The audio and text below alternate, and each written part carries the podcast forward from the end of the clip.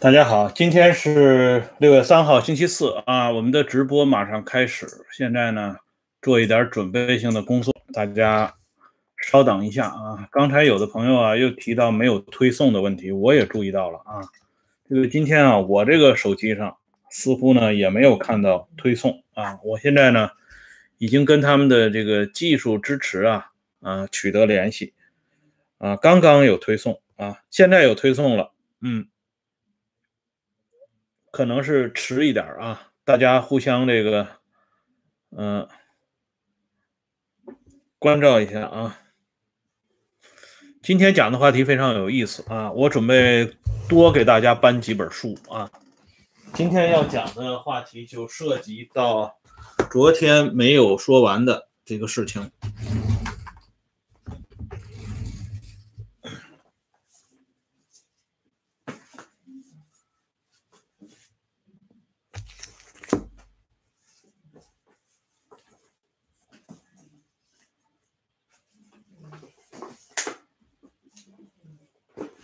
多找几本书，今天大概有八本书左右吧。嗯，这样呢，资料啊充沛一点，我们就言之有物啊。另外呢，今天还有一张照片啊，大家看一下啊，这也是以前啊，应该说大家可能没看过的这张照片。这张照片啊，是我一个老弟，人家自己啊从网上啊千辛万苦。找到的人家自己收藏的，并且呢，呃，愿意啊无条件的给我使用，但是呢，我也要尊重人家的这个版权啊，所以呢，我还是如一的打上来自于互联网啊。据咱们这个老弟讲呢，以后他要给一些照片的话呢，呃，这种个人收藏的话，他都要打上这个收藏的这个水印啊。这里呢。我也要提前跟大家说一下。好了，咱们这个节目啊，马上就开始啊，稍等片刻。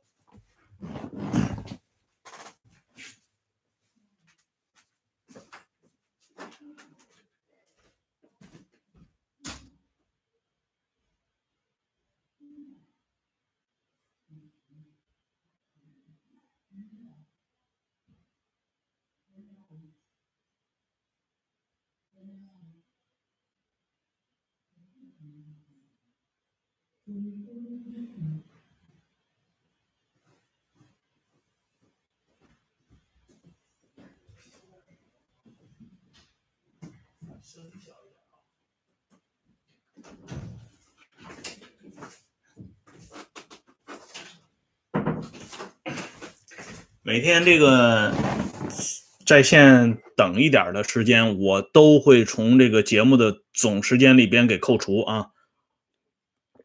绝不会兑水的，这点大家放心啊。咱们这个节目，不管是做了一年、两年，还是做了十年、八年啊，咱们都会一如既往的严格和严谨啊。好了，现在呢，咱们节目开始了。大家看一下啊，这张照片呢，是一张久违了的老照片。照片里的主人公就是我们今天要讲的周恩来啊。周恩来和和他的对手啊，这个张春桥。张春桥这个人啊，他是有两个啊特点。就我个人啊，阅读了这么多有关张春桥的材料之后呢，我发现他有两个特点。一方面呢，这个人城府极深啊，他的思维啊，他的考量都是在这个江青啊、姚文元、王洪文他们人之上。啊，甚至呢，他比一些老一辈的无产阶级革命家也丝毫不逊色。最主要的就是看，呃，八十年代这个庭审的这个记录，我们就可以发现啊，江青呢还在那儿负隅顽抗啊，姚文元呢就是低头认罪，王洪文呢是竹筒倒豆子啊，让说什么就说什么，只有张春桥一语不发，从头到尾一句话都没有。你是问他东呢？问他西啊，问他对呢，问他错，他都不回答。其实这一点啊，就可以看出这个人啊，之所以他受到伟大领袖在晚年的格外的关注，是很有道理的啊。这个张春桥这个人啊，在当时的这种表现，也说明了张春桥看的比其他这三个人要透彻，因为他知道啊，不论你是说什么，你的罪名和你的量刑以及你的出处都已经内定了的。哎，因为张春桥当年就是他们这个层面里的人物，决定了那么多人的专案，那么多人的审查啊。他非常清楚，像他这个量级的人物，最终绝不会取决于你在法庭上的表现。大家看到了，王洪文表现很好，还是无期徒刑啊。而这个黄五里秋当中呢，有些人表现不好，一样也是减刑的待遇，就这么简单。这个不是刑事审判，也不是法律审判，而是政治审判。那政治审判关键的。一个词是什么？勾兑呀，就是上上层他们各派势力的勾兑和这个平衡。所以张春桥也好，江青也好，你们都是在人家勾兑平衡之后所产生的这个产物，必然产物。所以张春桥一语不发，就是对这件事情他看得很清楚。但是另外一方面呢，这个极有城府的张春桥啊。也同时显露出啊，他相对比较幼稚的地方，这也就是为什么他最终落败的原因。就是说，一个人在政治上啊，成功或者失败，跟他个人的本性啊，包括他自己的一些思维手段有最直接的关系。张春桥自然也不例外。那么今天呢，我们就从这个邓大姐突然。大哭失声说起啊，这段故事呢，还是要从昨天我们没讲完的这个话说起。昨天不是说到伟大领袖因为张春桥的文章破天荒的做了一次自我批评，太难得了。这伟大领袖呢，在晚年做过两次重要的自我批评，一次呢。是关于贺龙的这个问题，再一次就是张春桥的这篇文章。可是这两次有一个共同点啊，就是说，第一次关于贺龙这件事情道歉，毛泽东也是对着首先对着张春桥讲的，说贺龙这个专案搞错了啊，他要做一点自我批评。对张春桥讲了之后，毛泽东才对邓小平讲。哎，所以所以呢，这里边呢有一个顺序问题。从这里边呢，也可以看出，即便是已经复出的邓小平，已经这个在地位上高于张春桥的邓小平，在毛泽东面前，这个分量还是完全不同的。毛对张春桥是亲信，对邓小平是使用，这两者是决然不同的。啊，虽然呢，邓的后代在这个他的回忆他爸爸的那些书里边极尽能事渲染啊，邓小平与毛泽东之间的关系，但是当年的那种亲信的概念已经不复存在，否则不会有邓小平最后一次垮台啊，这一点要说清楚的。那么张春桥的这篇文章就是论对资产阶级的全面专政。这篇文章啊，实际上啊，咱们说张春桥呢，很早啊，在这些方面呢，就已经做了足够的工作啊。他呢，对于所谓的批判经验主义呢，等等这些做法呢，很早就做了别人没有做的工作。我们先来看一下啊，张春桥是从什么时候？开始谈到这个批判经验主义的这个时间非常早了，也这可以啊，延到一下子延到一九七五年三月一号张春桥那个时候他有一个重要的兼职就是兼任中国人民解放军总政治部主任。这个职务太重要了啊我们知道军队的历任总政治部主任都是老大的亲信甚至呢毛泽东啊自己呢还曾经在邓小平没有到职的时候兼任过八路军的呃政治部的副主副主任这个职务啊。等到邓小平到职之后呢，毛泽东卸任，而毛掌握中央大权之后，这个总政主任一直是毛的夹带中人，罗荣桓也好，萧华也好啊，包括后边的李德生、张春桥。都是毛一时最信赖的人物。三月一号，张春桥在总政治部呃召开的各大单位政治部主任座谈会上讲话大谈反对经验主义。这个话呢说的比较含混不懂行的人肯定听不懂什么叫经验主义。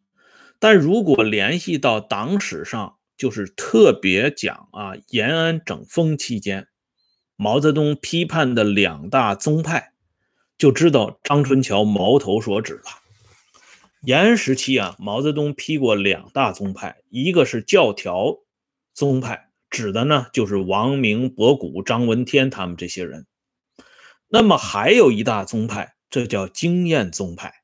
这个经验宗派顾名思义就是经验主义。那么经验宗派呢只是一个引子核心一点就是以周恩来为首的原来的中央组织人事军事系统当中的这些骨干成员。所以张春桥旧话重提批判经验主义这个矛头当然不是对着这个时候已经病入膏肓的周恩来。同时主要是对准了准备与周恩来啊形成潜性同盟的叶剑英和邓小平或者说呢这个经验主义是在敲打这些老干部老家伙们不要轻举妄动。不要以为文革啊进入到第十个年头你们就可以无事生非就可以调皮捣蛋那是绝对不允许的。所以呢张春桥的文章呢专门提到毛泽东经常讲的一句话卫星上天红旗落地抓生产忘了抓革命最终呢，是一场空啊，这是一方面，另外一方面呢，就是把这个刘少奇的那条路线又重新提了出来，什么叫刘少奇路线呢？其实说白了就是老干部路线。哎。与此与此同时呢，姚文元积极配合张春桥，他发表了论林彪反党集团的社会基础，啊，对毛泽东的一段话。进行了重要的解读。毛泽东说过主要危险是经验主义。这句话呀年轻人包括今天的年轻人肯定听不懂。啊什么叫呃主要危险是经验主义？其实说穿了主要危险就是来自于还乡团。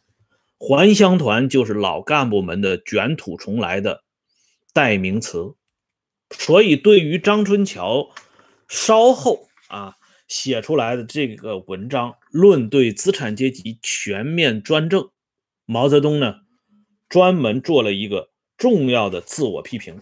这个批评呢是出现在毛泽东他人生中最后一次主持中央政治局会议就是一九七五年五月三号这一天。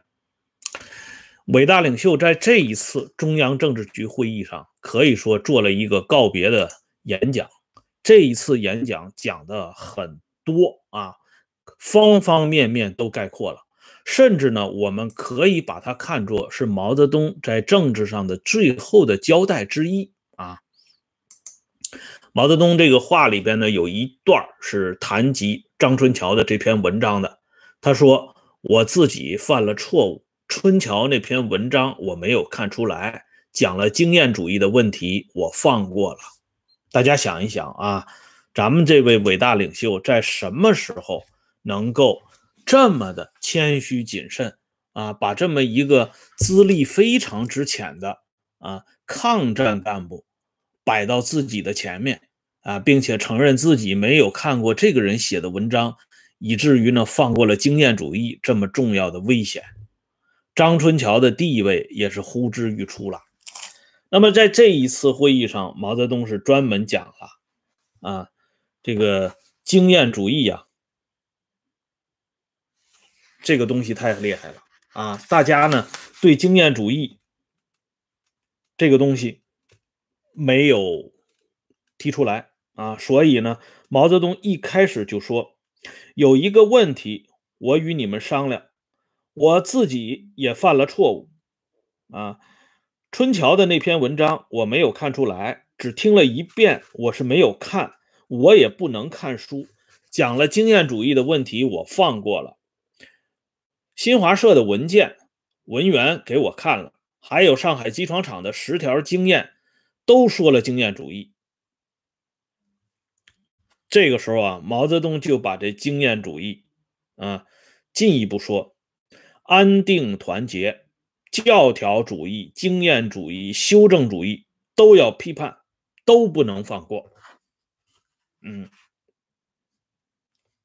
同时呢，在这一次会议上，毛泽东终结了对四人帮的批评。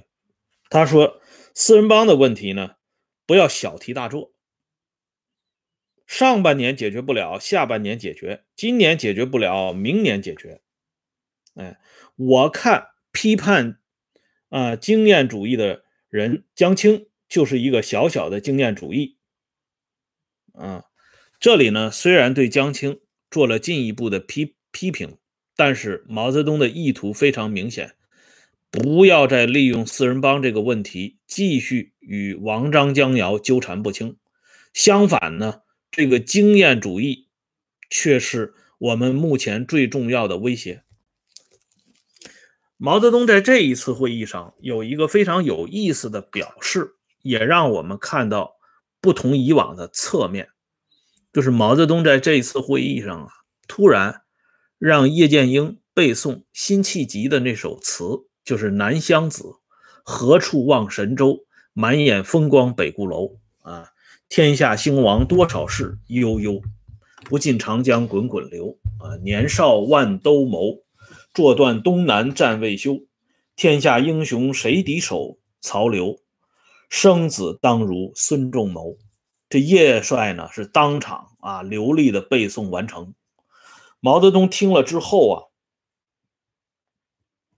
非常感慨，专门说了一句话：“此人很有些文化。”天下英雄谁敌手？曹刘，曹是曹李怀，刘是刘震。建英就是看不起吴法宪，这是毛泽东当时说的原话。而在官修本的《毛泽东传》里边，就着毛泽东让叶剑英背诵这首词的同时，也向大家讲述了：啊，毛泽东并不是要把江青等打倒，哎，毛泽东对经验主义非常重视。这两段话是出现在官修本的毛泽东传记里边的，哎，这可以想见啊，历史的原原原本本其实就是这个样子啊。那么毛泽东为什么突然让咱们叶帅啊叶帅背这首词呢？他跟叶帅之间的这次啊，只有他们自己最心知肚明的谈话，又是由何而起呢？我们先放一个小伏笔。我们先来看另外一个场景。这张照片呢，就是来自于我的一个老弟，他个人收藏的啊，从这个互联网上千辛万苦找到的。我们从这张啊，周恩来与康生这个握手言欢的照片里边就可以看到，周恩来与康老之间的关系绝非泛泛。我们知道啊，这个外交部这个口子。事实上，直到今天，还是由周恩来系统啊滋生出来的。嗯，周恩来的秘书，他的姑爷子呢，目前还活跃在外交战线。哎，这个外交口可以说是周恩来的禁脔。外交部的干部起起落落，都与周恩来、邓大姐有最直接的关系。哎，当年张闻天的秘书何方，包括张闻天的老伴儿刘英，在晚年的时候都有过类似的回忆，哪怕对外交部宴会这种事情提出不同的看法，恩来同志都是不满意的。哎，所以为什么在陈毅被批判的时候，周恩来敢于说出这样的话啊，谁要是敢斗陈毅，就从我身上踏过去。为什么伟大领袖对周恩来说，陈毅如果倒了，你也差不多了？这个话呢，都是有来源的，不是随随便便说出来的。可是我昨天讲过啊，在外交部的人事问题上，咱们的康老居然可以插手，居然可以智慧，而恩来同志呢，对康老的这种做法丝毫没有反感。耿彪这个人选的出现，就是最初在康老和周恩来之间酝酿产生的。所以，我们来看一下康生与晚年周恩来他们之间的这个关系是深可琢磨的。那么，张春桥所说的经验主义，自然要包括这个隐性出现的新版的三人团。康老是三人团当中的主要成员。可惜呢，天不永年呢，康老很快就嗝屁了。康老在嗝屁之前，专门去见过咱们的恩来同志。这一点呢，我给大家转引了周恩来的保健医生张佐良先生的回忆。啊，之前已经说过多次，这里呢不再不再重复。但是周恩来与康生他们最后这次单独的谈话，我相信绝不是简简单单问候：“今天你吃了吗？”啊，绝对不会是这种事情。那一定是另有深意，只是呢，咱们到今天也没有办法看到公开史料对这个故事呢进行详细的解说。那么接下来最有意思的一幕终于发生了，在康老嗝屁不久之后呢，恩来同志也嗝屁了。在恩来同志的追悼会上啊，首先发生了这样的一幕，嗯。张春桥呢，亲切慰问咱们的邓大姐，而且呢，突然出现了这么一个情况。这两张照片呢，都是当时的新闻、电影、纪录片剪辑下来的。他拥抱了一下邓大姐，这件事情啊，特别引人注目。所以，首先对这件事情啊。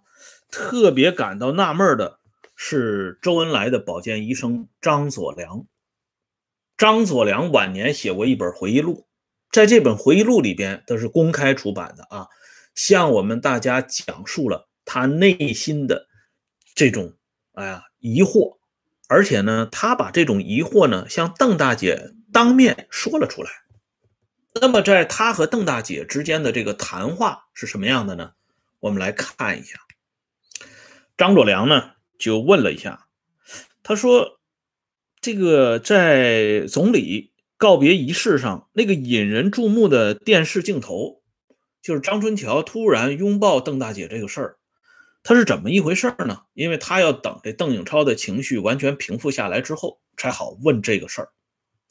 邓颖超呢的回答也很简单，他说那天毫无思想准备。”张春桥走到跟前，伸出胳膊拥抱。此人来这一手，可能是一种姿态吧。当时很难拒绝他这样做。邓大姐若有所思，一觉为难地说：“这是张佐良回忆的原文啊。”他把邓颖超当时的神态也勾画了出来。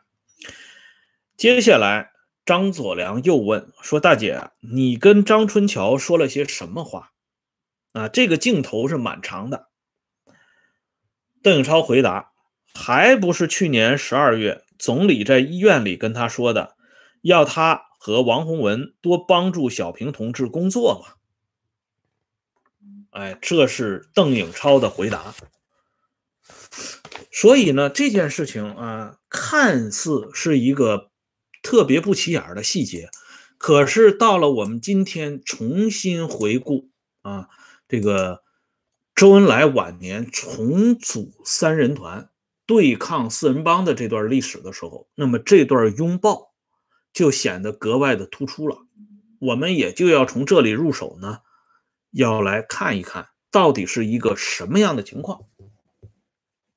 关于这一点，张春桥的秘书当时在现场的肖木，他有一个回忆啊，他对这件事情呢有一个重点的评价。